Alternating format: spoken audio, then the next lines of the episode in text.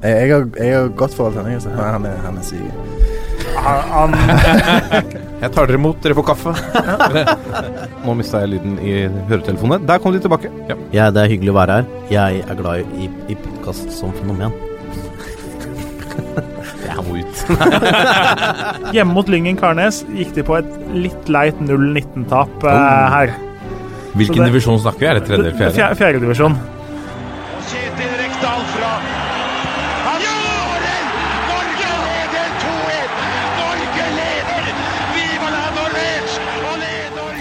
Og der er uh, toppfotball tilbake igjen.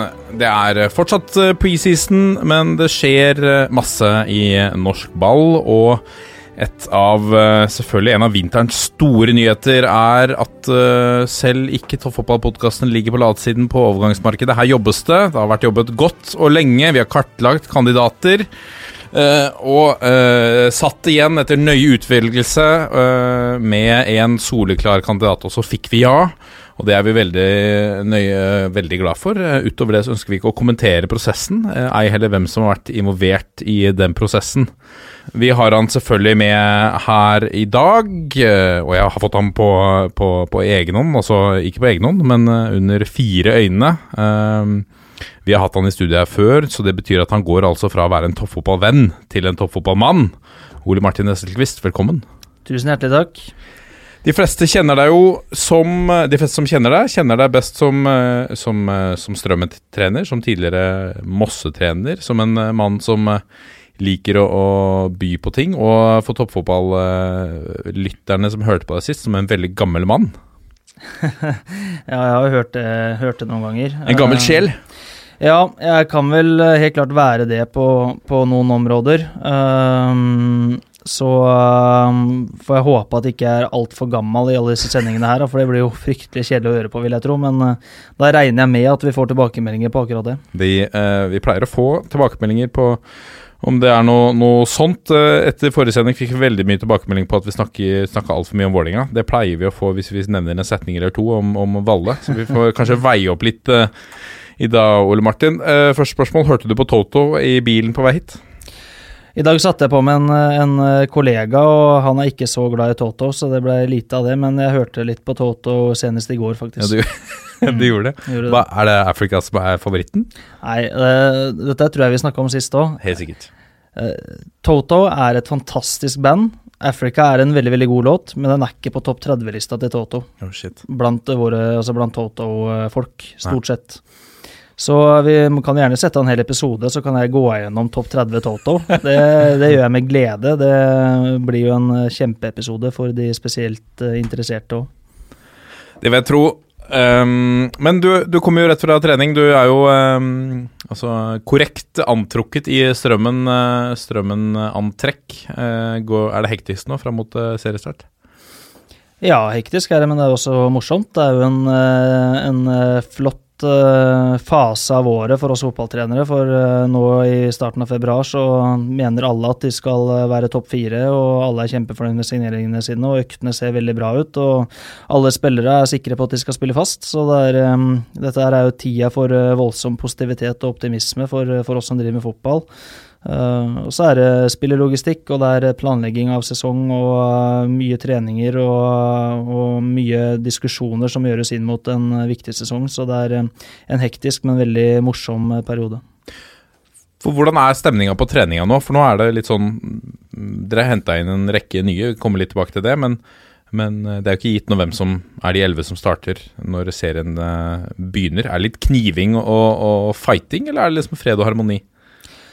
Eh, hos oss er det sånn at det er voldsom fred og harmoni, harmoni eh, i garderoben før og etter trening. Og så liker jeg at vi har eh, fått opp litt konkurranseinstinkt i selve treningshverdagen. Så eh, vi kan absolutt ha litt temperatur på treningene, vi òg. Det var et godt eksempel på det i dag, uten at jeg skal dra fram hvilke spillere det handla om. Men litt sunn konkurranseinstinkt instinkt og litt temperatur i en prestasjonskultur, det, er, det tror jeg er bra. Litt sånne ting som kunne fått en hoved, hovedoppslag på, på TV 2-sporten eller noe sånt nå i gamle dager. Slåssing på trening, eller hva vi helt er? Hadde vi hatt eh, mikrofon på spillere i dag, så hadde det blitt hoved, hovedoppslag i VG. Det er ikke noe å lure på, men eh, det, det var det ikke. Nei. Men dere akkurat uh, signerte en ny spiller i går. Ja, det har vi. Eh, Josef Chaib kom på plass i går. Um, så at eh, mediene i eh, Østfold var veldig tidlig ute der, for at uh, Kvikk-Halden lekka at han var på vei til oss. Men uh, han, uh, han, ble presentert hos oss i dag tidlig. Det er jo en mann som har fått litt oppmerksomhet for det han har gjort i Halden? Ja, han har fått oppmerksomhet før det òg. Han hadde jo et, eh, et, eh, vanskelig år i FFK i 2018, men eh, både i 16 og 17 var han jo veldig god for oss i Moss fotballklubb. Før det var han jo veldig god for et Rossik-lag som gjorde det bra i gamle tredjedivisjon som ung gutt. og mm, var vel kanskje andredivisjons beste angrepsspiller i fjor, med 23 målpoeng på et Kvikalden-lag som imponerte voldsomt. Så det er en signering vi er veldig glad for å få på plass. Vi har jobba lenge med det. Et hakk opp divisjonsmessig. Hva, hva, tenker du om det? Jeg tenker at han har noen spissferdigheter i spillet sitt som uh, holder enda høyere nivå enn Obos-ligaen også. Uh, og så får han nå uh, i hvert fall ett år, da. han skrev toårskontrakt, men minimum ett år nå på å um, utvikle de sidene av spillet sitt som han fortsatt har mer å, hvor han fortsatt har mer å gå på. Men han kommer til å levere målpoeng i Obos-ligaen nå og kommer til å han med flere av spillerne våre som vi har henta, også flere av de vi hadde i fjor, kommer til å være utrolig morsom å se på i år. Det, det er jeg helt sikker på. Vi skal uh, snakke uh, altså veldig mye mer om, om hva du har tenkt å by på i, i din rolle også i denne podkasten, Ole Martin. Vi må, vi, må, også touche innom litt rivaleriet og det som kanskje er uh, Kan være et av Norges uh, største uh, oppgjør, derbyoppgjør, i sesongen som kommer. Lillestrøm-Strømmen.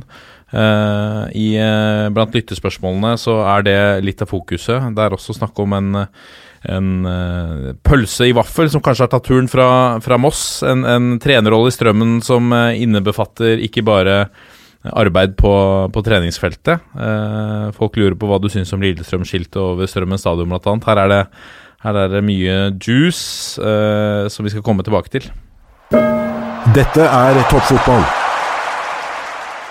Og så, Ole Martin, vi, da vi satte oss ned for å for å diskutere om eh, vi skulle få til dette. Så, så diskuterte vi også litt hva, hva, hva, kan du bidra med i denne podkasten, annet enn det åpenbare fotballfaglige eh, innblikk i, i, en, i, en, hverdag i toppfotballen. Men hva er, det, hva er det du brenner for fotballmessig, som du kan dele med oss og lytterne?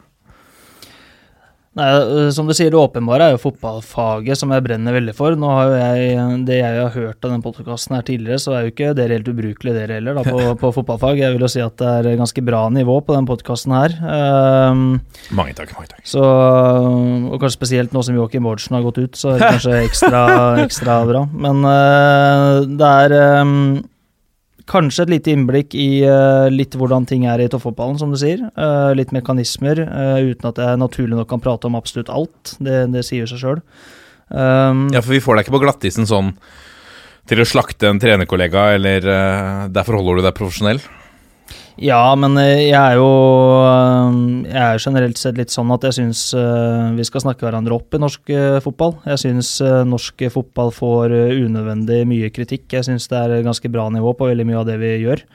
Og mitt inntrykk er at det er veldig mye flinke folk rundt omkring. Så jeg er på generelt nivå veldig opptatt, opptatt av å snakke produktet vårt opp, for jeg syns det er ganske mye bra som skjer her. Så det blir sikkert litt jobben min. Eh, så kan det hende jeg kan ha et litt annet, eh, et litt annet perspektiv på, på, en del saker. Eh, fra trenerperspektiv, naturlig nok. Om vi har noen gjester, så kanskje jeg har andre typer spørsmål enn det dere har. Så forhåpentligvis så kan jeg bidra med å skape litt, litt annen dynamikk i podkasten. Og så Får jeg vel uh, si som Dag Eilefjord på pressekonferansen. Jeg var sikkert femtevalg, men uh, vi satser på at dette her blir bra. Nei, det var ikke faktisk. Det var førstemann på lista. Uh, det er, vi, det er, vi, glad for. da vi, vi satte oss ned for å snakke litt, så kom vi ganske fort inn på en del ulike karakterer og profiler innenfor, innenfor fotballen som, som du har blitt kjent med i flere klubber. For du har en forkjærlighet for materialforvaltere? Ja, jeg syns materialforvaltere og dugnadsfolk og de frivillige er, eh, er helt uh, utrolig fascinerende mennesker. Uh, jeg har vært heldig. Jeg har, uh, de tre klubbene jeg har vært hovedtrener i, så har jeg blitt kjent med fantastiske folk som ikke får en krone betalt, og som bidrar masse. Og så er det jo når du har vært i en klubb i veldig mange år uten å tjene penger, men gjerne vært den personen som alle stoler på, så sitter du på en del gode, gode historier òg. Så når vi har diverse samlinger, eller når klubben er på Marbella, så syns jeg det er veldig veldig hyggelig å sitte på materialforvalterbordet og, og sitte der og le, for det er, det er så utrolig mye gode historier. og det kommer sikkert til å dukke opp noen i den podkasten her etter hvert. Og eh, for, for, da, møtes materialforvalteren fra de ulike klubbene på, på Marbella, sitter på samme bord? Ja, I hvert fall blant de klubbene som, hvor man kjenner hverandre. Men sånn som i, i Strømmen da, så har vi jo Bobo. Eh, Bjørn Gunnar han har vært materialforvalter i Strømmen siden 84. Eh, og kanskje missa fem treninger da, på de, på de åra. Eh, og så er det ikke alle de lange bortekampene han vil være med på. Han er ikke så glad i å reise. Men eh, altså, en helt sinnssyk mann. Det er klart at Alle kjenner jo han av materialforvaltere av de andre klubbene, og jeg har aldri hørt noen si et vondt ord om han heller, så så, sånn som i fjor blant annet, så veit jeg at Bobo og materialforvaltere til HamKam var, var, spesielt mye sammen. Og um, det går rykter om at de hadde det veldig hyggelig utpå kvelden der. Ja. Vi har hørt rykter om at uh, Bobo er altså Når man har vært der siden 84, så har man på en måte blitt en slags institusjon. Da er det jo mm. han som er sjefen over mye som skjer i strømmen. Alt. Ja, ikke sant? Mm. Uh, men jeg har hørt at han har sitt eget slags kontor? Ja, Bobo har eh, Vi kaller ham bare Bua. Bua til Bobo. Eh, det er et eh, opprinnelig et lagerrom, tror jeg. Som er ja, Si at du går inn døra, så har du et rom på Skal jeg tippe tre kvadrat? Fire kvadrat. Og så har du da innover så har du et langt og smalt lagerrom. Men i den bua, da, i det første rommet på en tre-fire kvadrat, så har Bobo en benk, og så har han to små sittebenker. Og hver fredag så, så, er det øl i bua til Bobo. Og Da er det åpen dør, og de som vil, kan komme inn og ta. Det blir aldri seint. Det er snakk om å ta en, en, eller to, sitte og prate litt om uka som har vært, eh, kanskje glede seg til kampen som kommer. Uh, og så er det hjem. Men det er en helt fantastisk tradisjon, og nå har jeg vært der i litt over et år. Vi har vært alt fra fire mennesker der til jeg tror det meste vi var, var 15. Og da sier det seg sjøl at da, da blir det trangt. Eh, så vi kan stå litt oppå hverandre, og eh, det blir godt og varmt her inne, og vi blir gode å svette, men eh, det er ingen som vil dra, for det er bua til Bobo. Og det er en tradisjon som han starta for mange år siden, tror jeg, og som fortsatt uh, står høyt i verdi hos mange. Vi har jo sportssjefen til HamKam, Espen Olsen, er fortsatt inne, innom stadig vekk på fredager og velger å ta morgentoget tilbake til Hamar på lørdag i stedet for å overnatte der. Så det, det er en fantastisk uh, tradisjon. I tillegg så har jo Bobo også lørdagskaffen, og det er da lørdag klokka ni utafor A-lagsgarderoben. Da står kaffekopper og, og varm kaffe klar. Det er så nydelig, det. Men jeg har hørt også rykter om at de to nye Lillestrøm-trenerne har, uh, har, hatt hvert sitt glass hos uh, Bobo, stemmer det?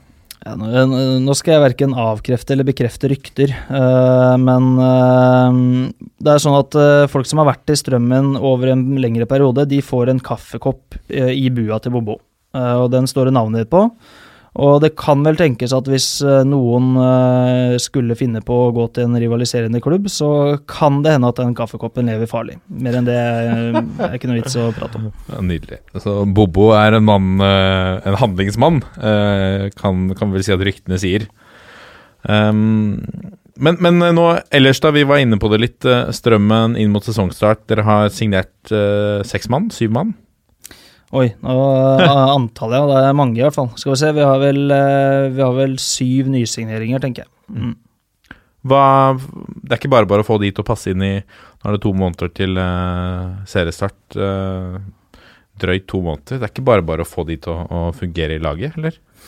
Det er, det er jo sånn at Med eh, mye utskiftinger så er det jo plusser og minuser som alt annet. Uh, fordelen med det er jo at du uh, står friere til å hente typer som vi som trenere mener passer godt inn.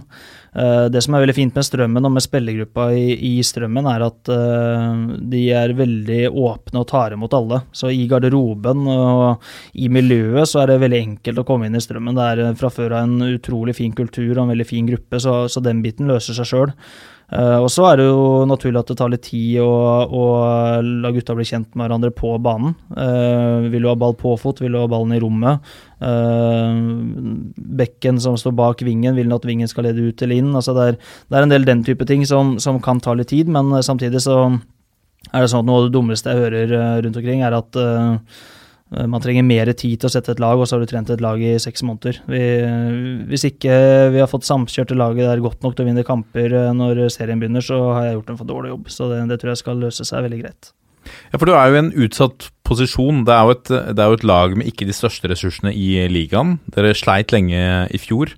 Hvordan, hvordan var fjorårssesongen å stå i det når, når det stormer, da? Din første sesong også? Nei, det er jo eh, sånn eh, Altså, de kravene man setter på seg sjøl, er jo store, og, det, og det, det, gjør jo at det blir litt tyngre perioder, selvfølgelig. Men uh, i strømmen så er det sånn at du har en uh, veldig god ledelse over deg. Du har veldig flotte folk rundt deg, og så har du en spillergruppe som er veldig lojale og veldig positive. Så um, det gikk veldig fint, fordi at vi gjorde det sammen. Og det tror jeg var mye av grunnen til at vi holdt oss i fjor òg, var at vi var veldig opptatt av å stå sammen uansett. Så selv etter de elleve første serierundene, når vi fortsatt ikke har vunnet en fotballkamp, så var det aldri noe tema at eh, jeg skulle ut, eller at vi skulle kvitte oss med spillere og den type ting. Det, vi, vi, greide å stå sammen hele gjengen, og det tror jeg var veldig viktig for at vi til slutt eh, greide det. For det så, som du er inne på, pila pekte ganske bratt eh, nedover i starten, og så snudde dere det. Hva Var det noe konkret som skjedde? Var det et eller annet dere gjorde som forandret dere noe på formasjon, taktikk? Gjorde dere noe annerledes, eller var dette en slags sånn uh, Man venter, man bare terper, og så venter man til det det er nok en mellomting. Altså vi, vi, eh, noe av grunnen også til at det var lett, å, lett at, vi, at, vi, greide å beholde roa i fjor, var jo at vi tross at vi ikke vant på de elleve første kampene, så spilte vi en del gode kamper, men vi slet med å skåre mål. Jeg tror de første fem kampene spilte vi jo fire uavgjort og tapte én, men vant sjansestatistikken i fire av de fem. Eh, så, så vi, vi, følte at vi var inne på noe, men vi var ikke gode nok til å skåre mål. Eh, vi var solide defensivt. Um, så, så, var det sånn at vi, vi, hadde en klar måte å trene på. Vi hadde en klar tanke om hvordan vi skulle spille fotball, men vi prøvde jo det i diamant ganske lenge. Eh, og etter at vi tapte for Koffa 16. mai, så la vi vekk diamanten og la om til en 4-3-3 for å få litt enklere arbeidsoppgaver i angrepsspillet. Diamanten kan være ganske komplisert, eh, og det løsna litt på det. Og så valgte vi også i juni måned å ha en uh, mye mer direkte tilnærming til angrepsspillet vårt, rett og slett for å gjøre det enklere å skape sjanser og, og, og prøve å få noen skåringer for å få selvtillit inn i laget. Og da, da slo vi jo slo vi LSK og Kongsvinger, eh, LSK i cupen, og så tok vi jo poeng borte mot Nesotra i, den perioden her, så vi, vi, kom ok ut av den perioden. Og så um, fikk vi litt mer selvtillit inn i laget. Så kom uh, sommerferien, og da gikk vi mer vekk igjen fra det å være ekstremt direkte til å, til å bli litt mer spillende igjen, men da, da, kunne vi gjøre det med en viss selvtillit. Så høsten vår var for så vidt ganske bra. Nå skal ikke jeg være bastant på det, men jeg mener at vi hadde høstsesongen vært en egen tabell, så tror jeg vi hadde kommet på 8.-9.-plass eller et eller annet sånt noe. Uh, så, så, det var ikke nødvendigvis så gærent. Og uh, tabellen, hvis du regner expected points, så hadde vi også vært på en 8.-9.-plass. Så, så det var ikke alt som var så gærent, men uh, det at vi sleit så voldsomt med å skåre mål på våren, det prega jo året. Mm. Hva er målsetningen i år, da? Nei, Jeg er jo ganske kjedelig, da. Jeg har ikke noen sånn tabellmålsetning. Tar en kamp av gangen. og Klubbens visjon er jo å være i Obos-ligaen. Eh, klubbens visjon er å være en etablert Obos-ligaklubb som utvikler spillere og som selger til større klubber. Eh, eh, og Utover det så ønsker vi å vinne så mye kamper som mulig og gjøre spillerne våre så gode som mulig. Og så håper vi at noen større klubber syns spillerne våre er gode, sånn at vi kan gi spillerne, spillerne muligheten når den byr seg, og at vi kan da reinvestere i klubbdrift. Har det blitt vanskeligere å være Strømmen nå som Lillestrøm har rykka ned til samme liga? Jeg har ikke kjent noe på det foreløpig. Uh, det har jeg ikke sånn I utgangspunktet så er det jo bra for romeriksfotballen at ett lag er i Eliteserien. Uh, så kan det være bra sånn når situasjonen ble som den ble, så er det klart at uh, med LSK nede i et år, så, så, skaper det enda mer engasjement. og akkurat det har vi jo merka, at det er jo mer engasjement rundt, rundt oss nå. og det tenker jeg er positivt. så Når først LSK gikk nå, vi ikke har noe eliteserielag eh, på Romerike, så, så er jo det bra for både oss og Kisa, for da får du et år hvor du kan eh, prøve å, prøve å skape litt ekstra engasjement og, og rett og slett tjene litt penger på det. Du har vært involvert i noen lokaloppgjør tidligere, Moss-Fredrikstad bl.a., eh, hvor de gjorde ditt ypperste for å hause opp stemninga før kampen. Hva, eh, for de som ikke har fått med seg det, kan du ikke fortelle litt om det? Ja, det, det var før eh, Moss-Fredrikstad på Meløs. Det var vel andre serierunde, tror jeg, i 2018, eh, hvor eh, vi, eh, vi på kontoret på Meløs vi mente at vi hadde solgt litt lite billetter. Så vi skal få opp det litt, og da, da var ikke jeg så lei å be, for jeg har jobba i Fredrikstad-fotballen, så jeg visste litt hvilke knapper jeg kunne trykke på for å fyre opp litt og provosere litt, og det, det fikk vi til. Så vi to lagde et Facebook-intervju hvor jeg hvor jeg lirer av meg en del oppspinn, eh, eller kun for å provosere, og det fungerte. det. Vi solgte noen ekstra 100 billetter eh, ganske raskt etter at det intervjuet kom, og jeg fikk nok av tilbakemeldinger på at, eh, på at de tingene jeg sa, ikke var riktige. Eh, så Hva er et eksempel på hva du sa da? Som var feil? at eh, Moss er mye større klubb enn Fredrikstad, sånn historisk sett. Fredrikstad har jo nesten ikke vunnet noen ting. Moss har jo vunnet masse. eh, Og, um, og det var litt, litt om byen òg, vel. At det måtte være fint for folk i Fredrikstad å komme seg til en skikkelig, skikkelig um, elveby i Moss og med litt kystlinje og fint vær. og Uh, måtte være fint for folk i Fredrikstad og fint for de å komme seg til Meløs med litt ordentlig gress under beina, for det hadde de ikke. Det var bare kunstgress og plastikk i Fredrikstad. En, en del sånne der greier der. Og, Da ble folk forbanna. Ja, en del blir forbanna, en del blir bare oppgitt og syns det er helt meningsløst. Men, og det var vi forberedt på, at det kom til å komme masse reaksjoner på det. Men eh, målet var å selge billetter, og det fikk vi jo definitivt eh, til, da. Så um, har jeg sagt i flere forumer etterpå i Fredrikstad at uh, hvis noen tok seg nær av det, så beklager jeg. Uh, det var et litt sånn PR-stunt for å prøve å fyre opp et lokaloppgjør. og um, skal jeg være ærlig, så hadde jeg egentlig gjort det samme igjen. Jeg ser ikke noe fare med å fyre opp lokaloppgjør. Nei, du har jo en gyllen mulighet uh, ganger to i årets sesong, vel?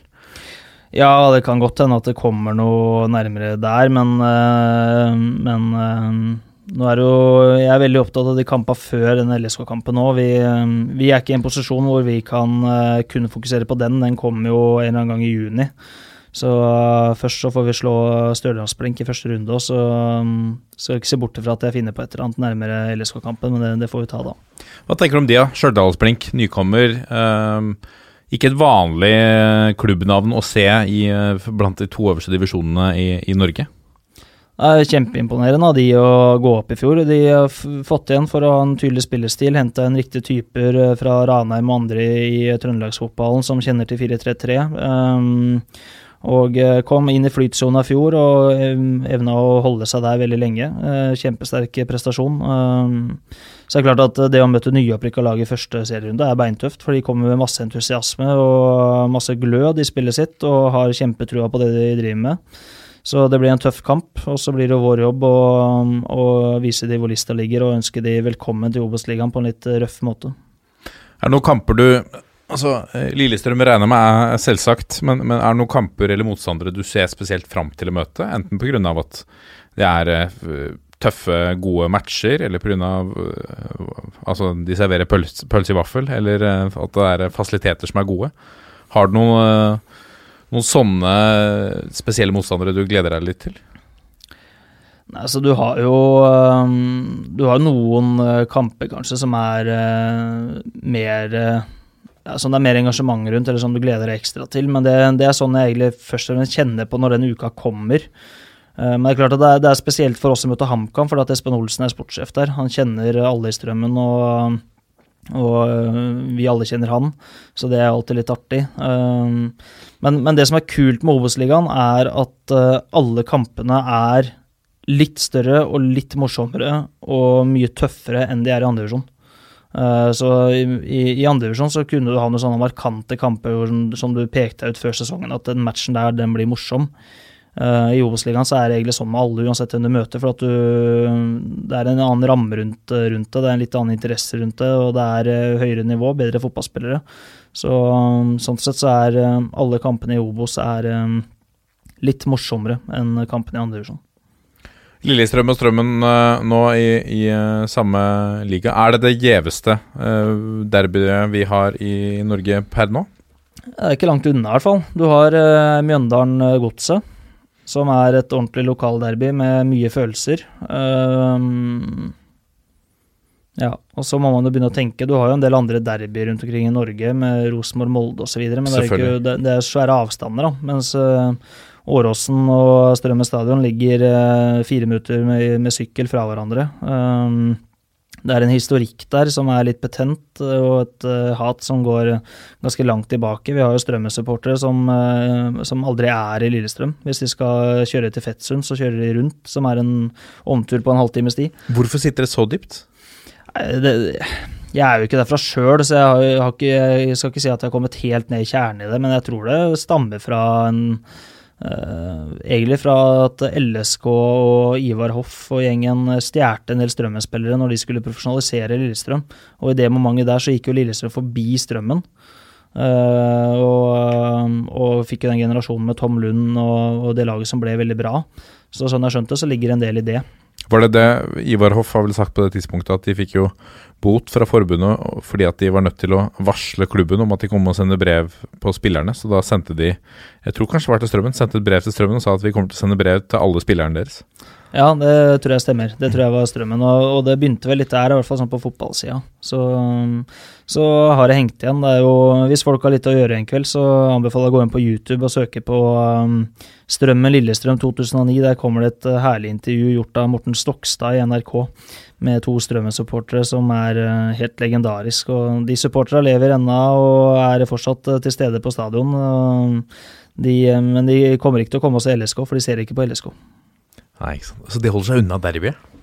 Rett og slett, eller? Ja, de elsker strømmen, men de uh, nekter å, å um, nekter å se på LSK. Så um, han ene har fortsatt ikke hilst ordentlig på meg, og det er visstnok fordi at jeg kommer fra Moss, og det er gult og sort, og da vil han ikke gjøre av det. Så um, det går også en historie om at, som visstnok er sann, da, at han ene av de satt utafor en kafé i Strømmen og veiva i lufta med armene, hvor eh, en strømmekar stoppa sykkelen og lurte på om det gikk bra. Ja, det var bare veps. Er du allergisk, da, eller? Nei, det er gult og sort. Så han eh, Han eh, Ja, det er noen av de som virkelig hater LSK. Det er, det er artig med, med, rivalisering. Så det kan godt hende at Strømmen LSK er, er noe av det største vi har i år i norsk toppfotball. Ja, sammen med Elv Classico. Mm. Ikke i Buskerud lenger, men i, i Viken, er det vel? Ja, nå er det vel det, ja.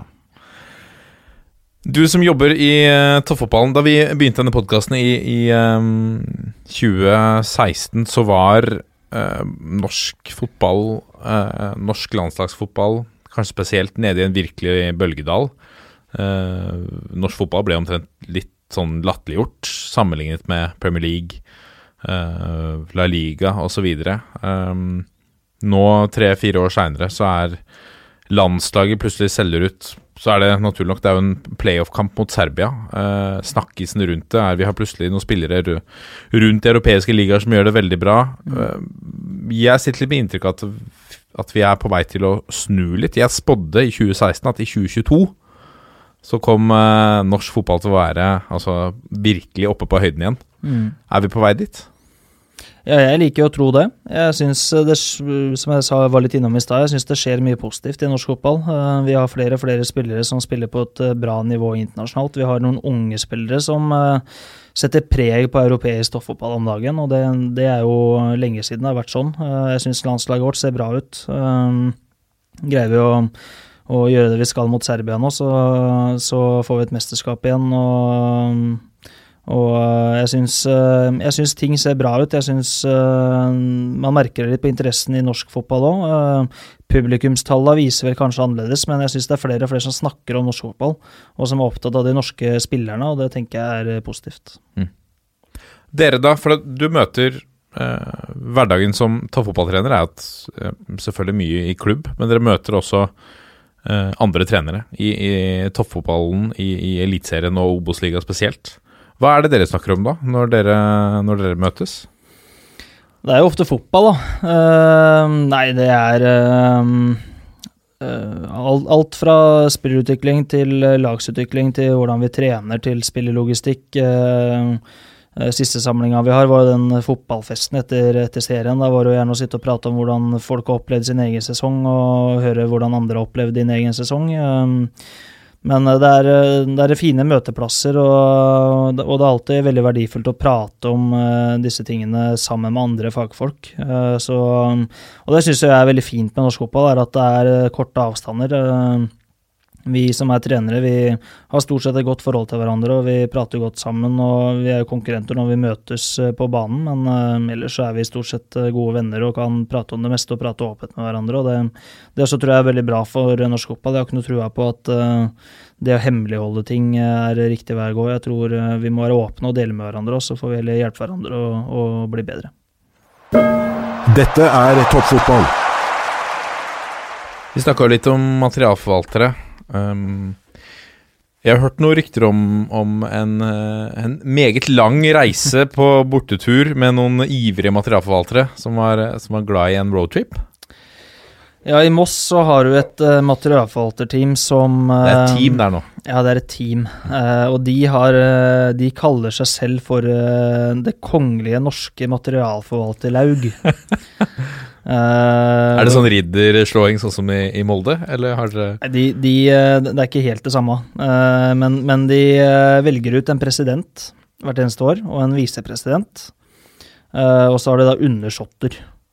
Eh, og jeg kjørte det veldig ofte på at dere heter jo Det kongelige norske materialforvalterlag, men velger å ha president ikke konge, men det, det, det får dere stå for sjøl. Og det er litt av en gjeng. Uh, så, men hvert eneste år, altså når terminlista kom, så pekte de seg ut én bortekamp som du da skulle lage en helgetur ut av. Uh, og da dra ned dagen før, eh, eller dra dit dagen før kamp og ta seg en fest, og så være på kampen og, og ha litt sånn teambuilding ut av det. da. Veldig flott tiltak. Og så kom 2018-sesongen så var det ikke så veldig mange attraktive turer. Du hadde liksom borte mot Elverum, men Elverum frista ikke så fælt for de og litt sånt noe. Og så var det nest siste serierunde var borte mot Alta. Uh, og Det eh, er tøff tur, ass. ja, det var en lørdagskamp, og det var signalisert at eh, hvis vi har holdt plassen der oppe, så kanskje det blir noe sosialt på kvelden, og dette vil jo ingen av de gå glipp av. Så de valgte da å sette seg inn i en sjuseter og kjøre til Alta. Eh, og da kjørte de uh, De brukte vel et et par dager på å kjøre opp, hvor de stoppa på natta, og så kjørte de da i ett nedover da gjennom Sverige, og bytta på å kjøre og sove. Og, og så er det sånn at de gutta her Du, har eh, en som heter Jon, som eh, han sitter i rullestol etter en kollisjon med en eh, semitrailer eh, for noen år siden. For, øvrig en fantastisk inspirasjonskilde. Eh, fantastisk mann. Han eh, elsker å være med på dette her. Og så har du en som heter Lars eh, Smith, som eh, har vært i klubben siden 2004, og som eh, også syns det er utrolig artig å bidra, som har gjort en kjempejobb for Moss fotballklubb i mange år. Eh, Og disse gutta her, de er jo så sinnssykt PR-kåte, vet du. Så, så når de da skulle kjøre opp til Alta, så ringte jo de alle aviser i landet for å liksom fortelle om dette her sjøl, sånn at de kunne få litt PR. Eh, Så, så når de kom opp til Alta, så sto jo jeg tror det var Altaposten eller om det var Finnmarksavisa eller et eller annet sånt noe, som sto og tok de, tok de imot. Så, så vi så det nesten ikke hele helga. De sto bare og ble intervjua og nøt, eh, nøt eh, all PR-en de fikk. Og eh, på kampdagen, når vi da skulle spille inn i Finnmarkshallen mot Alta, så så uh, times tid før kampstart så ser jo jeg og han andre materialforvalteren, Morten Andersen, som uh, for øvrig har meldt overgang til Sarpsborg 08 som materialforvalter. Og- Vederlagsfritt, eller? Må man ut med noe ja, det vet, aner jeg ikke, men jeg tipper nok at det var ganske vederlagsfritt. Men uh, også en helt sinnssyk fyr. Men vi registrerte at uh, det er ingenting som blir gjort i garderoben. Hvor er, alle, hvor er disse her materialforvalterne våre? Ja, for det, ting var ikke på stell? Nei, ting var ikke på stell. Uh, så vi gikk jo ut, da, og, da ser vi at de blir intervjua på nett-TV, da, på liksom, Finnmarksavisa, tror jeg det var. Og, og der sto de. Og de eh, De ble ikke intervjua hele tida, og egentlig så gikk jo de videre i sendinga, men disse gutta skjønte jo ikke at nå var de ferdige, så de ble bare stående der midt i kamera og, og var kjempehappy. Og da resten av 2018 så hørte, prata de bare om den gangen de var på TV i Finnmark. Ja. Så det, det var ordentlig stas for dem. Så eh, rett og slett herlige folk som eh, Det er klart at når, du- når du velger å Altså, du får ikke en krone betalt hele året, og så velger du å, å ordne deg en bil og kjøre tur-retur Alta for å få med deg en fotballkamp og litt eh, nett-TV-tid, da er du gæren. Ja. Og det, det er nettopp de tinga her som gjør at, eh, som jeg sa det er materialforvaltere og dugnadsfolk, frivillige, er, eh, det er helt nydelige folk. Det er vakkert. Men det er eh, Men, men det, det er en ting som ikke er spesielt eh, for norsk altså Det finner vi igjen i britisk fotball òg. Du, du kan se sånne breddefotballreportasjer fra, fra England òg, hvor du har folk som har gått rundt der øh, og, og rydda i garderobene i, i 50 år. Det er noe med en, Man har funnet sin plass, eller man har funnet en ekstra glede i livet. Hva, hva tenker du om hva, hva er det som motiverer de? Du har, du har jo sikkert snakka med en del av de. Ja, det, det veldig mange sier, er jo at det er, det er samholdet som, som gjør at de liker det. Og det, det tror jeg ikke, det er nok ikke unikt for bare fotball, det er unikt for idrett. At det, det samholdet og det vennskapet du får igjen for å drive med idrett og være i et idrettsmiljø, det er ganske unikt. Uh, og, og det er en uh, møteplass, og spesielt da hvis du er rundt et lag og i en klubb som er på et visst nivå, så er det jo en møteplass hver eneste dag. Du treffer folk du blir glad i hver dag, og du um, sitter og drikker kaffe, du deler gode historier, du eh, får lov til å være med i et konkurransemiljø, du får lov til å vinne og tape sammen, eh, og um, ikke minst, du får lov til å være viktig. Materialforvalter er jo blant de viktigste funksjonene man har i en klubb. Uh, så um, jeg, jeg, vil tro at det går en del på det. At du, du føler tilhørighet, du føler samhold, og du føler at du, uh, at du er viktig. Så um, vi skal være veldig glad for at vi, vi har de. Det hadde vært interessant å se hvordan det skulle gått uten. Dere er øh, Ja, det, det, det vil du sikkert ikke si noe om, men, men øh, dere har i hvert fall handla en skokk med spillere. Det er nesten sånn Sarpsborg 08-nivå på dette, men øh, Vi, vi har ikke handla inn noen. Vi har ikke betalt en krone for noen av de. Nei, ikke sant. Men hvis, men hvis det er sånn da, at man skulle ha Man hører ofte om det i, i norsk fotball at, at vi får på plass den uh, riktige spilleren hvis, hvis uh, liksom, en rik onkel her eller en sponsor der er villig til å spytte inn. Vi hadde vi hadde vel Chess som eide et par spillere i, i Brann bl.a. tidligere. Du hadde en investorgruppe. Hvordan Vet du noe om hvordan det der går til? Altså Går man til noen rike onkler og sier at hei, se på denne spilleren her. Uh, er du villig til å, å spytte inn såpass? Ønsker du å se han såpass i, i, i, Brann eller Vålerenga eller Strømmen, da? Uh, vet du litt hvordan, hvordan det der foregår? Det er sikkert eh, litt forskjellig fra klubb til klubb. og så, um, nå er det jo for det første sånn at eh, det å ha sånne tredjepartsavtaler med spillere og en tredjepart som eier en spiller, er jo ikke lov lenger. Så det er det jo slutt på. Men, eh, men eh, du har jo steder der eh, investorer går inn og dekker lønna til en bestemt spiller. Eh, Nå er det sånn I Strømmen så har vi jo ingen eh, rike onkler. Vi har, vi har veldig mye snille onkler, men ingen av de er rike. Eh, Så vi, eh, vi Det er vanskelig for oss å hente inn veldig mye penger til å hente spillere, men du har jo alltid Hvis du har et veldig spennende prospekt, du har en ung spillere, spiller eller du har en eh, for så vidt en eldre spiller som du har veldig lyst på, som du er sikker på vil kunne forsterke et lag, så har jo de fleste klubber noe man kan ringe og spørre om det. Og da handler det om å bare selge inn, selge inn budskapet godt nok. og jobbe for å få til en god, en god avtale på det. At, eh, at noen også ser verdien i at den spilleren her kommer til klubben. Um, ofte så er det vel sånn at investorer er uh, veldig opptatt av navnet på spilleren og CV-en på spilleren, og så har du, har du andre som uh, gir klubben mer tillit og stoler på at klubbens vurdering er, er riktig, og hvis man da har mulighet, så kan man bidra med litt. og og for våre del i Strømmen så er jo Vi, vi drifter jo også en yngresavdeling, og vi, vi, det er mye penger skal gå til, så det er ikke det er, ikke, det er ikke akkurat mange av de avtalene der vi har, men, øh, men jeg vet jo at det er andre klubber som har og det er jo offentlig kjent også, at man har investorer som går inn med veldig mye penger. Og da vil jeg tro at man som sportslig leder eller styreleder eller, eller hva det enn er, rett og slett bare må selge inn øh, spillerne eller, eller prosjektet godt nok. Det er sikkert ikke alltid så lett hvis de som sitter med penga, eh, ikke er de heller med mest fotballkompetanse. Så har du to verdener som, som krasjer litt. Ja, for det, det, er jo, det er jo vanskelig. Vi hadde jo litt av dette her i Moss, som er en eh, Der har du noen potensielle rike onkler. Og det, det er jo sånn at eh, når en person velger å gå inn med en ganske betydelig sum i en klubb, så ønsker jo også vedkommende å ha en del makt. Og det er jo egentlig helt fair. Eh, skal de investere i noe, så bør de også få muligheten til å bestemme litt uh, hvordan man bruker pengene. Uh, og det er jo historier på det i norsk fotball hvor, hvor det der har gått gærent, eller hvor man ikke har greid å bli enige osv. Så, videre. Eh, så um, det er jo en risiko man må ta. Så det er, det er, selvfølgelig positive elementer i det å ha en rik onkel som går inn med mye penger i klubben din, og så kan det helt klart også være utfordringer, utfordringer med det. det. Det er nok av historier på begge deler. Ja, for man kan jo bli avhengig. Det er litt som det er litt som uh, Man blir vant til at de pengene bare kommer, og så, og så budsjetterer man det inn. Mm. Og så kommer det en hverdag hvor du skal betjene et lønnsbudsjett som, som du ikke egentlig har penger til å drifte sjøl. Mm. Ja, jeg, jeg tror jo de klubbene som eh, evner å være bærekraftige selv, det er jo ofte de klubbene som også, eh, også går best.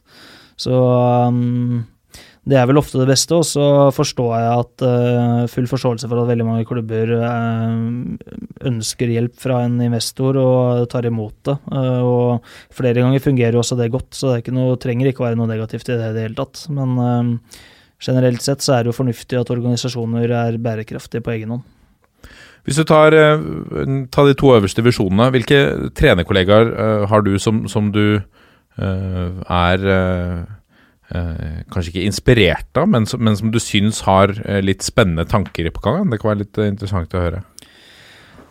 Jeg er jo litt sånn at, uh, at uh, Jeg fikk spørsmål tidligere i dag fra en, en avis uh, om hvilke forbilder jeg har som, som trener, og som jeg svarte at det er jo Det kan være veldig mange, for at noe av det kule med fotball er at du kan hente inspirasjon fra hvor som helst. Uh, og eh, bare i Obos-ligaen så syns jeg det er eh, veldig mye spennende tanker. Jeg syns jo måten Jørgen Isnes har utvikla KFUM på er eh, veldig, veldig morsom. Det er, har vært artig å se utviklinga deres og artig å se hvordan de spiller fotball. Jeg syns det Lars Bohin gjorde med Ålesund i fjor kontra året før, var imponerende. Han gjorde noen veldig riktige justeringer. Signering av Castro som som for noen kanskje var litt overraskende, for han var ikke helt outstanding i Kongsvinger, men han var jo outstanding i fjor og ga Ålesund en helt annen dimensjon. Jeg syns den type ting er morsom å se på. Jeg syns eh, det er artig å se på femmetera til Grorud, til Erik Kjøne, på uh, hvordan de løser det. Så det er,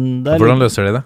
Eh, jeg har ikke snakka med Eirik om hvordan de trener på det, men inntrykket mitt er vel at eh, de rett og slett har noen faste oppspillsmønstre og noen veldig klare planer på hvordan de skal, hvordan de skal løse egne femmetere. Eh, og det er jo, er jo flere som gjør det internasjonalt òg, men det er, jeg syns det er litt artig å se. For at du, du, som jeg sa, du kan hente inspirasjon fra hvor som helst. og som jeg sa i stad, det, det, er mye flinke folk i norsk fotball, og du kan hente litt fra, fra alle steder. Så ja rett og slett. Jeg husker det var, jeg, jeg tror det er to sesonger siden hvor vi, hvor vi så veldig mange av eliteserielagene som tok avspark og kelka ballen opp til innkast så langt opp som mulig for å flytte opp hele laget. Mm. Det så du på Strømmen i fjor òg.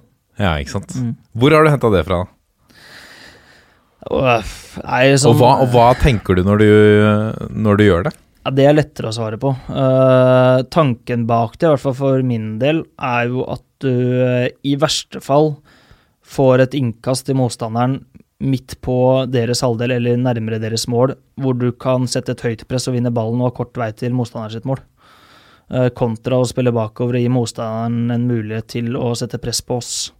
Eh, så tanken er veldig enkel, at du ønsker å sette et kampbil inne på motstanderen sin halvdel så tidlig som mulig, for å få en tidlig scoring. For å overraske også? Er det et element av det? Jeg tror ikke det overrasker lenger. Nei. For det er jo Igjen, jeg skal ikke være bastant på tallene, men av alle Obos-kampene i fjor, så tipper jeg at uh, vi møtte det også åtte av ti kamper. Mm. Uh, og det er jo litt sånn Det kan skape litt energi hos et lag i starten av kamp hvis du det første minuttet er kun inne på motstanderens halvdel og presser i. Så skjønner jeg at det kan se fryktelig dumt ut hvis en crosseren bare går rett ut på tribunen og du har gitt bort ballen, men du er i hvert fall, du har en mulighet da, på et innkast imot å sette et lite press inne på motstanderens halvdel, og, sin halvdel og være der litt i starten. Så det er nok for mange i hvert fall argumenter med det. Har du noen andre grep som du har brukt? Uh, og, og, har du planlagt noen grep, trenger ikke avsløre det, men har du planlagt noen sånne fiksfakserier i, i, i år for Strømmen? Nå har jeg jo henta Josef igjen, og Chaib. Ja. Uh, I uh, Trossek det gikk, gikk, på det nivået. Jeg tror ikke det går i Obos-ligaen, men jeg skal ikke røpe det, for jeg har lyst til å teste det i noen treningskamper. Men der hadde vi faktisk en avsparkvariant vi skåra noen mål på uh, med han. Så vi får, vi får, se litt. Men generelt sett så Jeg tror ikke du verken vinner eller taper fotballkamper på avspark. Jeg husker en variant vi, vi kjørte på, på juniorlaget i Ørn Horten, hvor To av spillerne gikk ned til cornerflagget når det var eh, corner, uh, og, og krangla om hvem som skulle ta det. Mm. Uh, og, så, uh, og så blir den ene spilleren åpen, åpenlyst altså oppgitt, så han går bort fra cornerflagget, går inn mot feltet igjen. Før han tverrsnur og får ballen, og så er han plutselig innafor femmeteren. Eller i hvert fall innafor 16. da. Mm. Er det et, eh, jeg følte vi revisjonerte da vi, da vi kom med det. Funka vel to av ti ganger. Ja, ja. Det kan jo godt hende at dere revolusjonerte fotballen der, at dere var først ute med det. Det skal ikke jeg si noe på. Eh, Nei, Men vi ser ikke så mye av det. Jeg, jeg husker det, det er lenge siden. Før det avsparket, la oss kalle det trikset, da, som vi så for to sesonger siden, så er det ikke så mye av det sånne type varianter som vi ser. Tommy Sina Larsens legendariske rulle ballen litt en halv gang over på hjørnespark, og så var det bare å starte ballen eh, Mm. etter corner. Ja. Nei, det er ikke så veldig mye av det, men du har eh, Det er en del innøvde dødballtrekk, som på frispark og corner og sånn. I hvert fall i Obos-ligaen i fjor, så var det en del av det. Mm. Eh, Så det vi brukte overraskende mye tid på å forberede dødballer. Eh, Sandefjord hadde jo sikkert en 10-12 innøvde korte cornervarianter som vi måtte være forberedt på.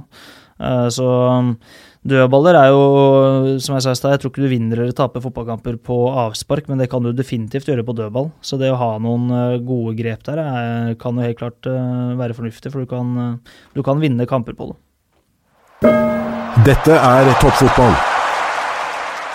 Så har vi fått noen lyttspørsmål. La oss begynne med et fra en av våre trofaste bidragsytere, Nordlink86, eh, som uh, lurer på nivåforskjellen på nedre del av Obos og toppen av PostNord. Uh, påstand, kolon, nivået er periodevis høyere i PostNord enn nedre Obos. Uh, vanskeligere å rykke opp til Obos enn ned med en bred stall. Det spørsmålet der har jeg fått ofte. Ehm, jeg syns det er vanskelig å sammenligne, men hvis jeg skal eh, prate om hvordan jeg har opplevd andredivisjon kontra Obos-ligaen, så er det for meg ikke noe tvil om at Obos-ligaen generelt sett som liga er ganske mye bedre enn andredivisjon. Uh, det går primært på uh, det gjennomsnittlige konkurransenivået. For i andredivisjon så har du alltid en del kamper hvor du uh, veit at du møter et lag du er mye bedre enn, eh, og som du nesten kan vinne litt på halv maskin. I uh, Obos-ligaen, så i hvert fall for oss da, i Strømmen, så er det absolutt ingen av de. Eh, så så du, du har eh, ikke noen mulighet til å um, Kall det senke deg litt, da. Uh, så så har du jo eksempler på KFUM i fjor, fjor f.eks., som, eh, som kommer på andreplass i andredivisjon og som går rett opp. Og så tror jeg også at du, du skal ikke undervurdere hva som kan skje med et lag, eh, og hvordan et lag kan utvikle seg bare på et halvt år. Jeg syns jo det er en enorm forskjell på det KFM-laget som spilte høsten i 2019 i Obos-ligaen, kontra det KFM-laget som spilte høsten i andredivisjon 2018. Selv om det også var et godt andredivisjonslag, men de to laga kan på mange måter ikke sammenlignes. eh, Og da snakker jeg ikke bare om spillogistikk, jeg snakker om utvikling de spillere har hatt òg. Så um, jeg tror nok helt klart at flere av de topplagene i andredivisjon kunne greid seg i Obos-ligaen og, og kunne helt klart slått oss f.eks. i enkeltkamper, men over en sesong så tror jeg at uh, nivået er, eh, er høyere. Det er i hvert fall sånn jeg, sånn jeg opplever det. Jeg opplever at uh, nivået på bunnkampen i Obos-ligaen var uh, høyere enn eh, nivået på toppkampen i andredivisjon. Ja. Sånn jevnt over. Eh, så, og det er vanskelig å sammenligne, for så jeg tok jo eksempler med KFM, men du har også Skeid som gikk rett ned igjen. eh, og så har du Notodden som greide seg i første året, og som gikk ned igjen i fjor. Så det, det er veldig vanskelig å si, og jeg tror jo for de som bruker argumentet med, med kvalikkampene, at uh, andredivisjonslagene stort sett nå vinner det hvert eneste år, Mm. så tror jeg det også handler veldig mye om eh, selvtillit. Eh, det å angripe, angripe en, en kvalikkamp eh, med med eh, ja, si 20-22 seier i ryggen, kontra det å angripe en kvalikkamp med 15 tap i ryggen, det er en vesentlig forskjell. Eh, så, så um, jeg tror det ligger en del i det. Men som jeg sa, i enkeltkamper kan definitivt nivå, nivåforskjellen være liten, kanskje til og med fordel andredivisjon. Men jevnt over så er det, er det utvilsomt høyere nivå i Obos-ligaen enn det er i andredivisjon. Ja, for der er jo det Det eksempelet der som, som vi ofte møter, da, når, når eh, spesielt i kvalifiseringskampene, også i, i, fra Eliteserien til, eh, til Obos, som vi jo nå så eh, også et eksempel på sist, kanskje, med Start og Lillestrøm, som jo ble en helt sinnssyk batalje. Men, men hvor et lag som kanskje har vært i motgang over lang, lang tid, eh, som, som kan prege en gruppe, og et, et lag som har hatt jevn medgang og masse gjentagende suksess. Eh, det er to liksom litt sånn motstående kulturer som, som møter hverandre. Ja, veldig. Og, og um, selvtillit i fotball, det er viktig. Det er veldig, veldig viktig. Og um, jeg, jeg tror det er kanskje den viktigste faktoren inn i en kvalikkamp. Altså vi, vi, var jo det, vi hadde jo det scenarioet vi oppe i diskusjonen i fjor, i trenerteamet i Strømmen. altså hva For kvalik var jo, var jo et mulig scenario helt i siste runde. Uh, og da snakka vi om ok, hvordan skal vi greie å nullstille uh, så raskt som mulig inn mot en kvalikkamp, og hvordan skal vi greie å skape en selvtillit inn i den gruppa her på tre dager. Uh, for vi mente at det var det det handla om. For at toppnivået vårt var utvilsomt høyere på det tidspunktet enn, de, enn toppnivået til de i andredivisjon. Men det er vanskelig å prestere på toppnivå uten selvtillit. Så, så jeg tror det ligger veldig mye i det. Og ja, jeg tror det kan være det som gjerne vipper de kvalikkampene. Um, så tror jeg nok kanskje også at uh, den nivåforskjellen fra topp Obos-liga til bunn Eliteserien kanskje er litt større igjen i utgangspunktet enn uh, en, uh, topp andredivisjon til bunn Obos-liga. Mm. Men ja, nå var det unntak i fjor, og så syns jeg jo spesielt den kampen på Åråsen er jo unik på alle mulige måter. Mm. Så den Jeg vil ikke si at det der er noe trend ennå.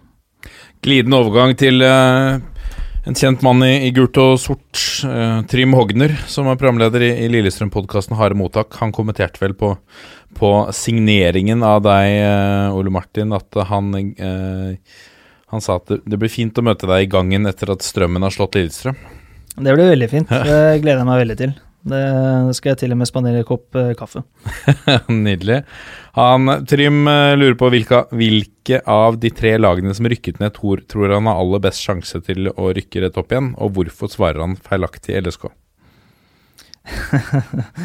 um, ja, det er, eh, det er Jeg syns det er argumenter som prater for alle tre. Jeg syns um, LSK har gjort en veldig god treneransettelse. Uh, satt et godt trenerteam. De har uh, foreløpig ganske bra kontinuitet i spillerstallen sin, beholdt en del viktige spillere. Uh, kommer til å hente inn flere gode spillere, det er jeg helt sikker på. Uh, så det er klart at LSK bør jo definitivt være i toppen her, og det er de klar over sjøl. Kan det på en måte komme en, en ny giv på Åråsen, som har vært litt sånn i motbakke de siste åra ved å vinne masse fotballkamper? Ja, i hvert fall fram til uh, vi slår de. Ja, men ja, det, det har skjedd før at et nedrykk til syvende og sist slår ut positivt. For at du får muligheten til å restarte litt, du får bygd opp et engasjement på nytt. Du, du får uh, satt en litt annen grunnmur i laget ditt. Og det, det har du muligheten til nå. Og jeg syns jo de ansettelsene som de har gjort rundt laget, med Geir og Petter bl.a., eh, tyder på at det er det som er planen, og, og det er bra fotballfolk.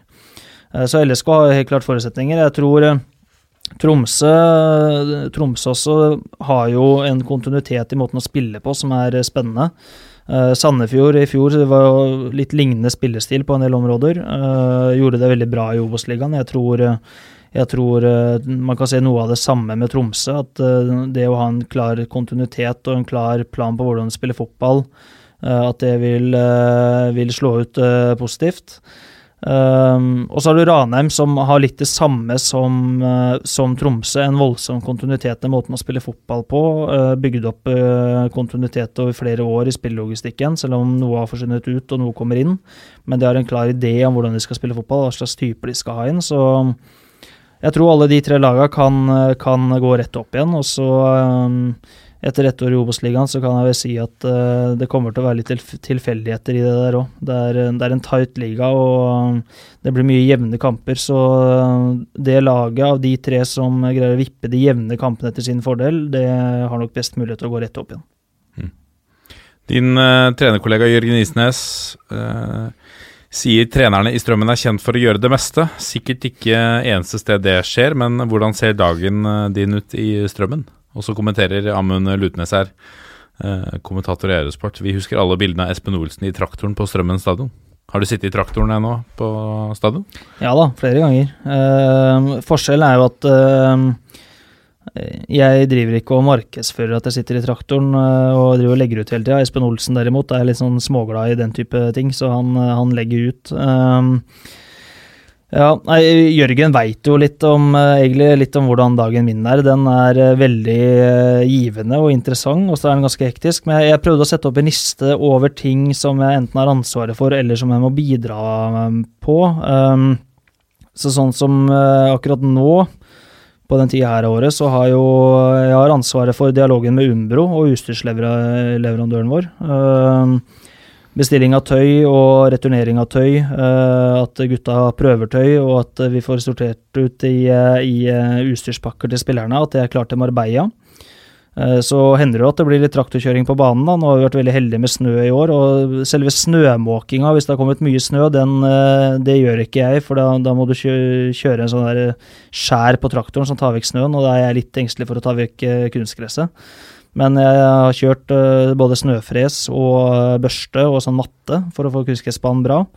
Eh, snøfresen var vel, gikk vel ikke så bra, for jeg greide å frese en del asfalt òg, men eh, det gikk, gikk greit. Så er det naturlig nok de tinga som er min jobb. Spillelogistikk, videoanalyse, treninger, planlegging, gjennomføring, motstanderanalyser.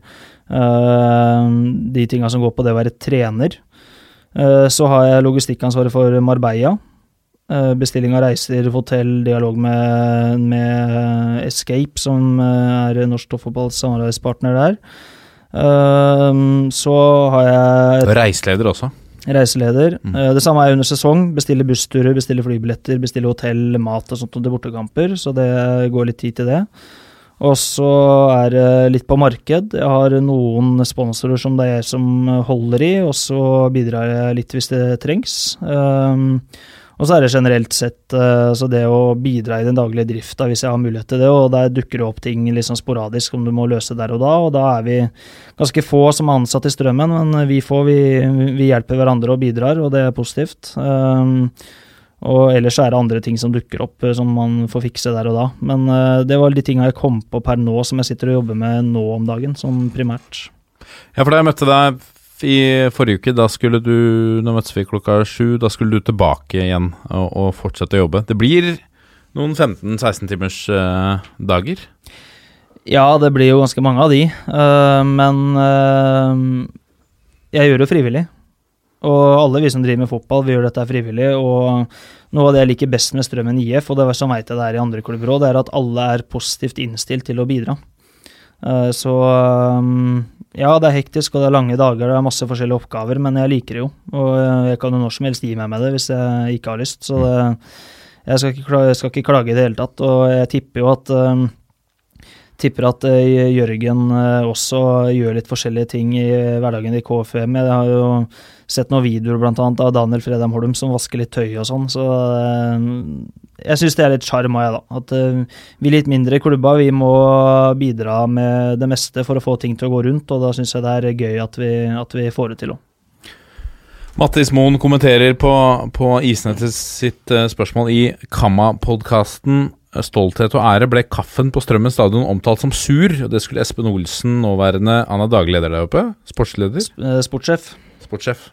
Det skulle Espen Olsen ha seg frabedt, for den kaffemaskina hadde han kjøpt inn. Er eh, kaffen på Strømmen stadion sur? Uh, nei, den er, eh, den er veldig bra, den. Uh, så skal ikke jeg si det helt sikkert, men jeg er ganske sikker på at det er fordi at den kaffemaskinen Olsen kjøpte, er bytta ut. Ja, riktig. Men, men Du gjør ditt beste nå for å bygge opp rivaleriet før kamp mot HamKam. Men jeg skal ikke si det sikkert, for det, den kom i hvert fall lenge etter at eh, Lenge noen måneder etter at jeg ble ansatt. Men det kan jo hende at det er Olsen som har bestilt den, og at den bare har kommet seinere. Så, så jeg skal ikke være veldig hard på det. Men eh, kaffen på strømmen er veldig god. Men det er jo først og fremst fordi at det er Bobo som ofte trakter den, og han veit jo nøyaktig hvor mye kaffe som skal oppi det filteret. Det er klart. Ære være Bobo.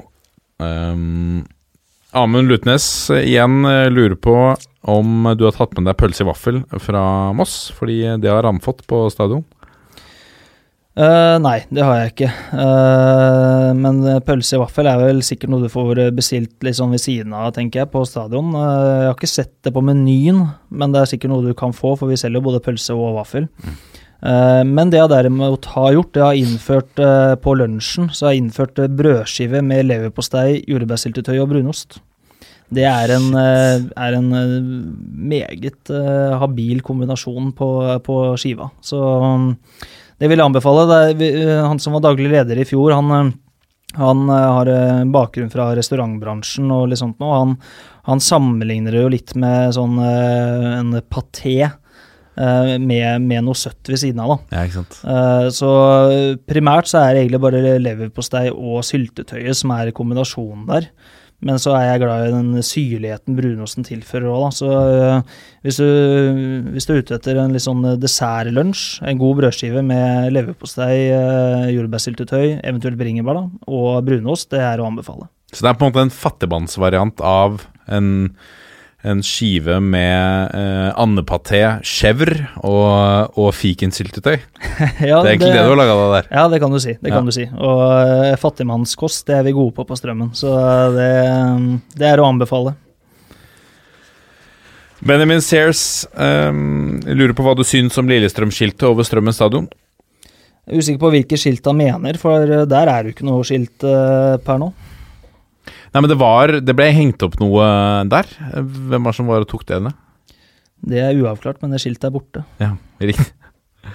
Det er, eh, det er noe eh, eh, Sånn jeg skjønte, så er det Pågår det litt sånn rivaleri mellom, mellom supporterne? Man har blitt enige om at mye er lov uh, før, uh, før seriestart, eller uh, i oppbygninga til denne matchen.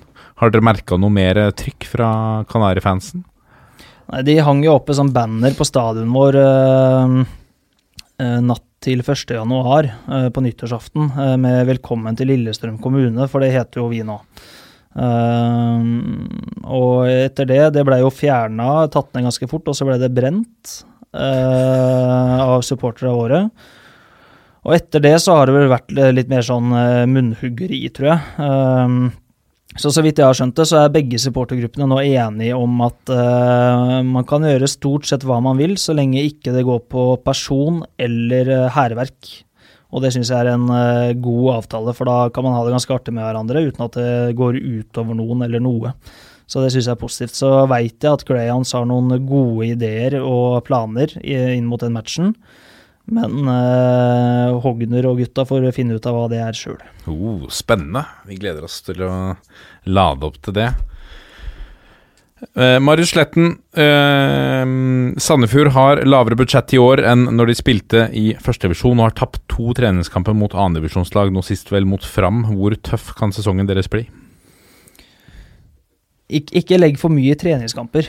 Uh, treningskamper er det det er. Det er, eh, det er trening primært. Uh, så er det klart at Sandefjord uh, har jo mista noen spillere, og så har de henta inn noen spillere. Uh, Tilsynelatende så kan det godt hende at de får et tøft år. Samtidig så har jeg veldig tru på Marti Sifuentes, som er der. Utrolig dyktig fotballtrener.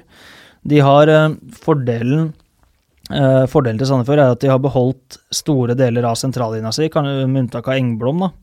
Uh, og de eh, er vanskelige å ta fra ballen. De er uh, gode til å angripe, de er gode til å finne plass. Henta Sivert Gussiås, som i, i fjor var på lån fra Molde til oss, som er en målskårer. Hvis han får nok baller i boksen, så kan han avslutte og skåre mål. Så øhm, det kan godt hende at det blir en tøff sesong, men jeg blir heller ikke overraska hvis eh, Sandefjord øh, plutselig blomstrer litt og spiller bra fotball og plukker noen poeng i tåret, For øh, de har et godt trenerteam, og de har fortsatt en del gode, gode spillere. Og så vidt jeg har sett, nå har ikke jeg sett de treningskampene mot, øh, mot disse her andredivisjonslagene, men når jeg har sett lagoppstillinga, så har jeg vel fått inntrykk av at de fortsatt ikke har begynt å toppe noe lag. Så derfor så er det som jeg sa, det, det, er, det er hva det er. Det er trening. Vegard Bjørgå skriver uh, TV 2s tap av Premier League-rettigheter, og hentyder vel eh, litt med her med, med neste setning at uh, han regner med at de blander seg inn i å sikre seg uh, eliteserierettighetene som Discovery har ut uh, 2022. Hva er dine tanker rundt det, Ole Martin? Du har vel eh, Du har ikke fått helt munnkurv, kanskje, hva gjelder rettighetshaver, eller? Nei, eh, absolutt ikke. Eh, nei, nå er jo det Discovery og det er jo Eurosport som, eh, som håndterer oss. Eh, jeg, jeg har jo ikke noe å sammenligne med eh, som fra tidligere, for at når eh, andre har hatt rettighetene, så har jo ikke jeg jobba i toppfotballen selv. Så det er vanskelig for meg å si noe om hva som er bra, eller om noe er bedre enn det andre osv. Generelt sett så tenker jeg at jo mer oppmerksomhet, jo mer engasjement. Eh, Så for min del så er det, tenker jeg at jo, jo mer skriverier det blir, og jo mer saker det blir lagd, jo, jo flere klikk er det, og jo mer engasjement blir det. Så det viktigste for min del er jo at de som har rettighetene, gjør en god jobb med det, og, og produserer, eh, produserer mye som gjør at det skaper engasjement. Og jeg, jeg syns jo det er litt synd at eh, vi vi er vel den eneste klubben i Obos-ligaen nå, kanskje sammen med Stjørdalsblink, som ikke eh, fortsatt har hatt en sak på eh, Eurosport eh, etter nyttår. Vi har signert en del spennende spillere, og det skjer en del morsomme og artige ting hos oss. så det, det går Slåssing på trening, eller munn, munnhuggeri. For eksempel, for Ja, eksempel. Eh, så for vår del, vi kunne godt tenkt oss enda mer, mer oppmerksomhet, men sånn eh, er det vel med alle. Jeg husker eh, Lars Bohin var jo flere ganger ute i fjor på Twitter og, og etterlyste saker, og det tror jeg vel de fleste i Obos-ligaen føler, at vi, vi ønsker mer oppmerksomhet. eh, Så jo mer, jo bedre. Ja. Jonas eh, Rygg, en eh, mann eh, hvis eh, navn og profil ikke ukjent. eh, eh, hvor Du har jobbet med han i eh, Har du Ja, i uh, Strømmen. I Strømmen, ja. Stemmer det. Jonas var uh, Ja, Jonas er jo Strømmen uh, ikke legende, kanskje, men han spilte i klubben i mange år. Han spilte vel i klubben i eh, 2009, 10 og 11, tre Ja. sesonger. Så han var med på opprykket til førstedivisjon og spilte første- førstedivisjon i to år. Eh, var assistenttreneren min i Strømmen i fjor. Eh, fikk et uh, godt uh, jobbtilbud av Stabæk eh, etter sesongen og valgte å gå dit, som var trist for oss, men helt forståelig for hans del. Eh, han refererer jo til keepertrener Knut Bjørnstad Bergum her. Ja, for Han spør hvor slitsom er hverdagen med en keepertrener som krever altfor mange baller på feltet. Ja, det, det er fryktelig. Altså, Knut Bjørnstad Bergum han er keepertrener hos oss. Han uh, jobba i Bærum før. Han er fra et eller annet sted oppe i Gudbrandsdalen, Toten-området. Eh, så han eh, snakker jo håpløst også. Eh, sånn, Det er frest å melde når det kommer fra gamle Østfold. jeg, har jo litt sånn Oslo-preg i dialekta mi, vil jeg påstå, da. Ja. men kanskje noen begreper her og der. Men greia er at jeg har ikke noe mot eh, dialekt fra Gudbrandsdalen, jeg har ikke noe mot dialekt fra Toten, men den derre blandinga, ubestemmelige blandinga som Knut har, den er slitsom. Og så skal han alltid ha 24 baller omtrent. Med, med to-tre Ja. keepere. Så at, eh, og keepere går gjerne ut litt tidligere, spesielt hvis de utespillere er inne og prepper og har litt styrketrening og sånn. Og når vi kommer ut da, så ligger alle ballene i målet til Knut, og så ligger det igjen tre-fire baller til oss. Så eh, det er en sånn evig fight som vi har på Strømmen, at eh, Knut skal ha alle ballene. Og hvis vi da går innom han etterpå og prøver å ta noen baller, så blir det jo krig, da. Så um, i fjor så delegerte jeg mye av det der til Jonas, og det er sikkert derfor han uh, stiller spørsmålet. Jeg tipper at han eh, slipper den problemstillinga nå som han er i Stabekk. Men uh, den krigen pågår fortsatt på Strømmen stadion, og nå er den mellom Knut og meg. Beinhardt, beinhardt. Uh, Sindre Taule Sandstå vil rett og slett at vi skal snakke litt om Sander Berge. Ja. Sander Berge er jo Hva mener du om Sander Berge? Åh, Nydelig fotballspiller. Jeg var litt overraska over at han, han tok turen til eh, Premier League allerede nå. Ja, Jeg, jeg så for meg litt sånn Italia det, var- det er kanskje det fordi det har vært litt mer rykter om Italia og, uh, og sånne ting. Uh, er- ja, Mm. Sevilla var jo det som var en gjenganger uh, tidligere. Mm. Ja, det er eh, er ikke uenig i det. Det har vært mye rykter. Sevilla har det vært snakk om lenge. Og sånn tilsynelatende kanskje en fotballspiller som også hadde passa veldig godt inn i både italiensk og spansk eh, fotball. Uh, han er jo en veldig god fotballspiller. Um, men jeg syns det som er artig med han, er at eh, han er et godt eksempel på at det lønner seg å ta fornuftige karrierevalg. At du ikke tar et for stort steg for tidlig. Uh, Det er, det er jo ikke alle som er som Martin Ødegaard, som er klare for det der med en gang.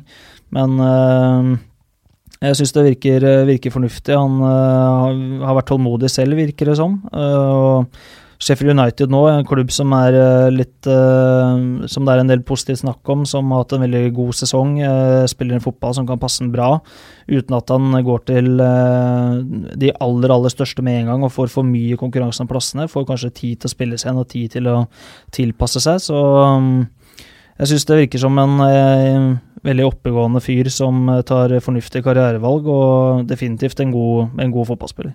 Mm. Og har jeg skjønt, og det var også overraskende på meg, veldig rask. Altså han tar eh, Jeg så noen tiere her på 70-meterne. Han slo John Carew på, på sitt beste, om ikke kanskje sitt beste, men at han slo John Carew på 60 meter, 70 meter. Ja, jeg, jeg, tror ofte vi, hadde en spiller i Moss og Tim Reinbakk som, eh, som uh, ser treg ut fordi han er veldig stor, Mm. men det er vanvittig mye kraft i beina, og hvis du da i tillegg er lang og har lange steg, og du har råk i mobilitet i hoftepartiet eller sånt nå, så blir du ganske rask. Så det å ha lange bein uh, med veldig mye kraft i, det betyr ofte hurtighet, har jeg hørt. Mm. Jeg har ikke kjent det sjøl, men uh, men, men uh, Så er vel noe med når du er midt i banen, det er mye enklere å legge merke til en rask spiller når du drar av en bekk på, på, en, eh, på en kant, enn om du går av et ledd på midtbanen. Ja, det er, jo, det er jo veldig ofte sånn. Og det er også Det er jo ikke alltid at eh, disse her sentrale midtbanespillere er ute og sprinter i 70 meter heller. Det er jo gjerne 10-15-20 meters eh, sprinter, og så er det en vending og, og en retningsforandring. Så det er nok ikke alltid det syns så godt, og sånn sett så er jeg usikker på hvor relevant en 70 meters måling på han egentlig er. Men, eh, men det at det er mye kraft i beina på han, og at det er lange steg, det, det tror jeg på. Siste spørsmål kommer fra Olai Årdal. Han uh, lurer på hvordan ender eh, topp seks i Obos-ligaen denne sesongen, og hvem rykker ned? Må Tabell- svare på nynorsk. Det skal lytterne lyttere få slippe. um, nei, tabelltips har aldri vært min greie, og, og jeg føler vel egentlig ikke jeg kan gjøre det i ligaen jeg sjøl er trener heller. Um, Ta Eliteserien, da. Kan ta hvem som rykker ned. Det også er eh, vanskelig å si. Det er ehm, Og syns du det er litt eh, Er det, er det sånn hvis du møter de da på neste toppfotballseminar, at hvis du tipper nå tre lag ned, at, eh, at du må bøye huet, hu litt neste gang du møter noen kollegaer? Nei, jeg tror, jeg tror ikke det. For vi eh, Altså, Obos gir ut et sånn årlig Obos-magasin, og den, der blir jo alle intervjua. Da driver man jo tippetabell. Og så registrerte jeg i fjor at jeg var en av de få som eh, ikke ville tippe utfall. Eh, så, så det er mange som gjør det. Men jeg, jeg syns de tinga her er vanskelig. For at én ting er uh, hvordan ting ser ut nå, én ting er hvordan spillelogistikken ser ut om en måned. Én ting er hvor godt man treffer med treningsmetodikk. Uh, Du skal ikke undervurdere flaks og uflaks i fotball. Flytsona. Starter du sesongen med tre seire, kanskje du er litt heldig å få med deg tre seire, så kan det bety at du plutselig er der oppe. Eh, Se Bodø-Glimt i fjor, som de fleste regna med skulle slite voldsomt, som eh, plutselig blomstrer med selvtillit, god treningsmetodikk, eh, forholdsvis bra spillelogistikk, som plutselig tar et sølv. Så jeg, jeg syns de tinga der er veldig vanskelig å tippe. Hvis jeg skal si noe om Obos-ligaen, så vil jeg si at Strømmen tror jeg blir veldig morsom å se på i år. For vi har henta inn noen typer som er publikumsvennlige. Så jeg ganske trygg på at vi ikke er blant de som går ned, i hvert fall. Hvis du kan velge mellom å åpne sesongen mot to medalje, altså favoritter, eh, kontra to eh, nyopprykka, hva, hva ville du valgt da? Ah. Sånn utgangspunkt, Vi skal jo møte alle på et eller annet tidspunkt allikevel, men, eh, Men apropos som, flydsone og sånn, som Ja. du var inne på. som Strømmen-trener så ville jeg valgt eh, to uh, nyopprykka. Ikke fordi at det nødvendigvis eh, er noe enklere, det også er jo veldig veldig vanskelig å si. Eh, men eh, men det er kanskje litt av mentalinngang for våre spillere enn å føle at du får en veldig tøff start. Men om det er en tøff start, om det er en enkel start, det, den fasiten får du jo litt ut i mai. Ja, for det kan jo gi en vanvittig boost da, hvis du feier unna to medaljefavoritter som ikke heller har kommet ordentlig i gang. Absolutt. Så det er, det er ikke noe fasit på det. Men eh, måtte jeg valgt, så hadde jeg nok valgt det fordi at eh, det kan være enklere å skape en offensiv inngang til sesongen for, eh, for våre. Dere skal på treningsleir? Ja. Når avreise? 23. februar drar vi til eh, Marbella. Har du bestilt eh, alt av hotell og, og måltider?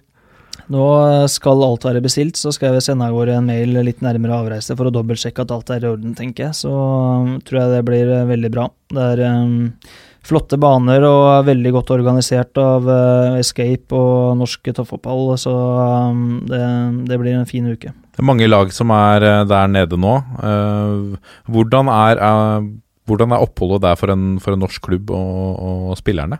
Hvordan ser en dag ut, f.eks. der nede?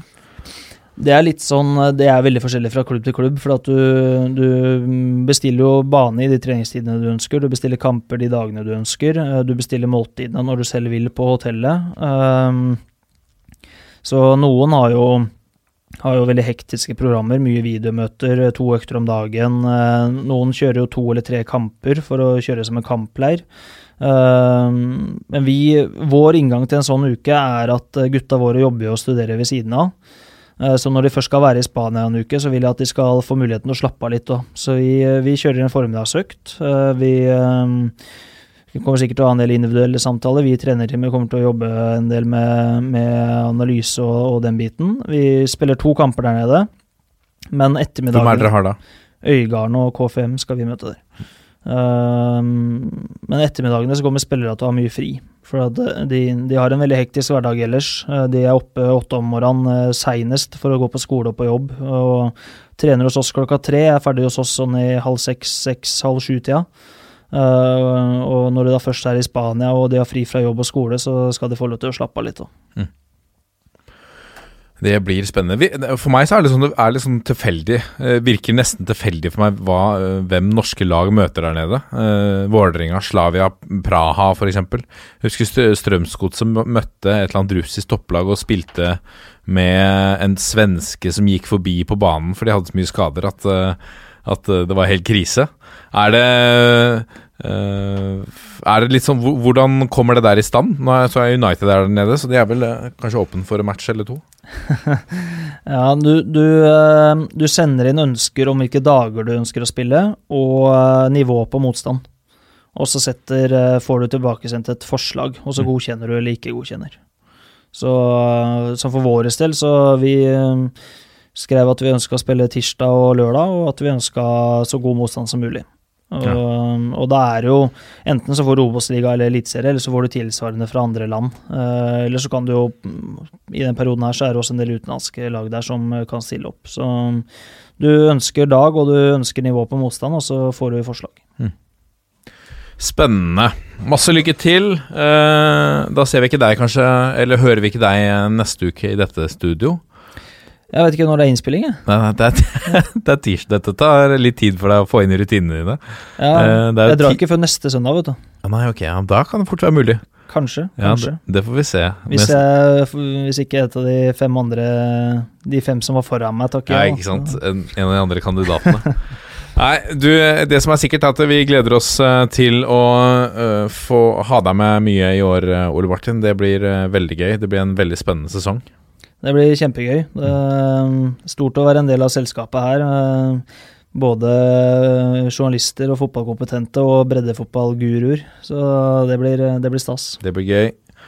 Vi er uh, Toppfotball på Facebook, Twitter og Instagram. Og gjerne inn og legge inn en rating også, så blir vi veldig eh, happy. Eh, fortell hva du, hva du syns om eh, stemmen til eh, vår, nyeste, vår nyeste mann. Eh, og så høres vi eh, veldig snart. Må vi avslutte på 1, 2, 3. Vi er en gjeng. Ha det! Det må du kjøre også, Ole Martin, på 1, 2, 3. Vi er en gjeng. Ha det! Ok. Ok, siste gang. 1, 2, 3. Vi er en gjeng. Ha det. Nydelig. Alle gode ting er tre.